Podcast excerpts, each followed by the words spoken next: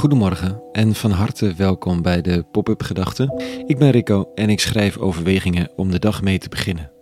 Vandaag met de titel Of het ook anders kan. Pop-up Gedachten dinsdag 12 september 2023.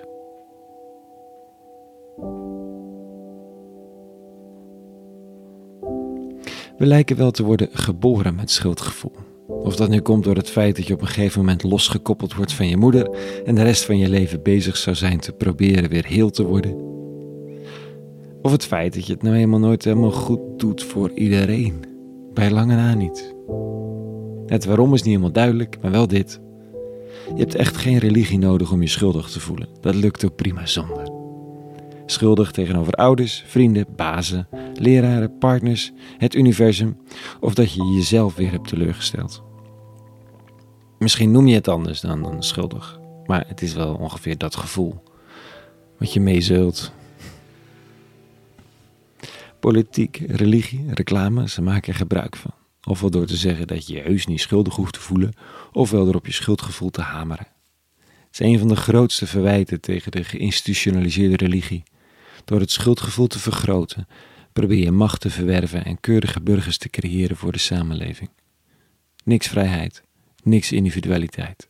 Leven in angst. Zomaar ga je dan denken als burger dat de kerk je schuldgevoel aanpraat. Maar dat is niet helemaal waar, dat had je al. En eigenlijk had de kerk, religie, geloof, spiritualiteit een heel andere taak. Het bevrijden van die schuld.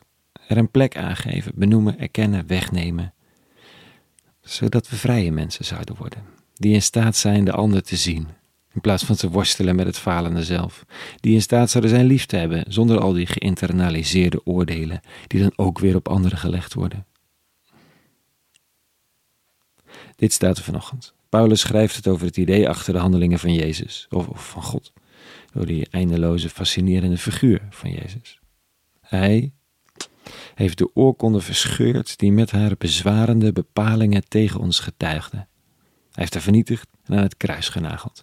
Hij heeft de heerschappijen en de machten ontwapend en publiek tentoongesteld.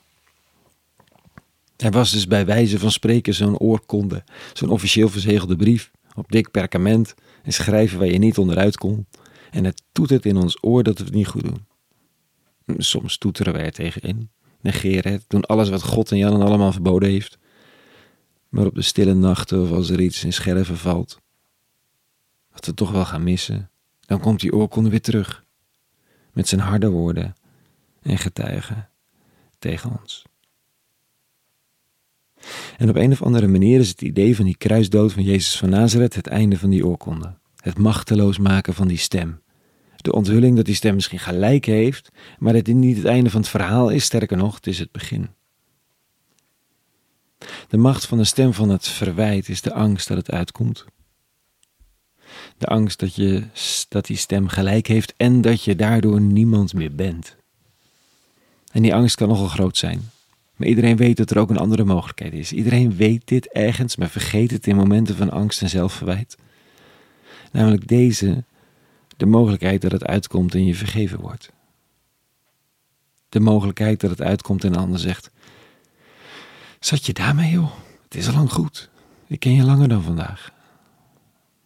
De mogelijkheid dat door een helingsproces heen je rijker en meer verbonden bent met de ander en met jezelf. Ja, en dan zijn de heerschappijen en machten ontwapend, zo gezegd. Want de angst levert niet meer willoze slaven op, bange mensen, maar vrije mensen die eerlijk de wereld en zichzelf in de ogen kunnen kijken. En de angst, of, of de dood, zoals dat in de klassieke teksten van christendom heet, heeft geen vat meer op hen. Dat is het idee vanochtend. Over de oorkonde, het verwijt en de bevrijding. Of dat het zo werkt? Elke keer is weer anders. Elk moment is uniek en, en zelfverwijt en angst zijn lang niet altijd rationeel. Ze hechten zich dieper aan je innerlijk dan je zou willen. En toch, deze oefeningen, dit soort verhalen, ze kunnen soms zomaar bevrijdend zijn.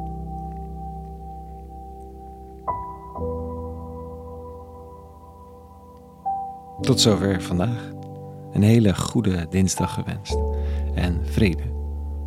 En alle goeds.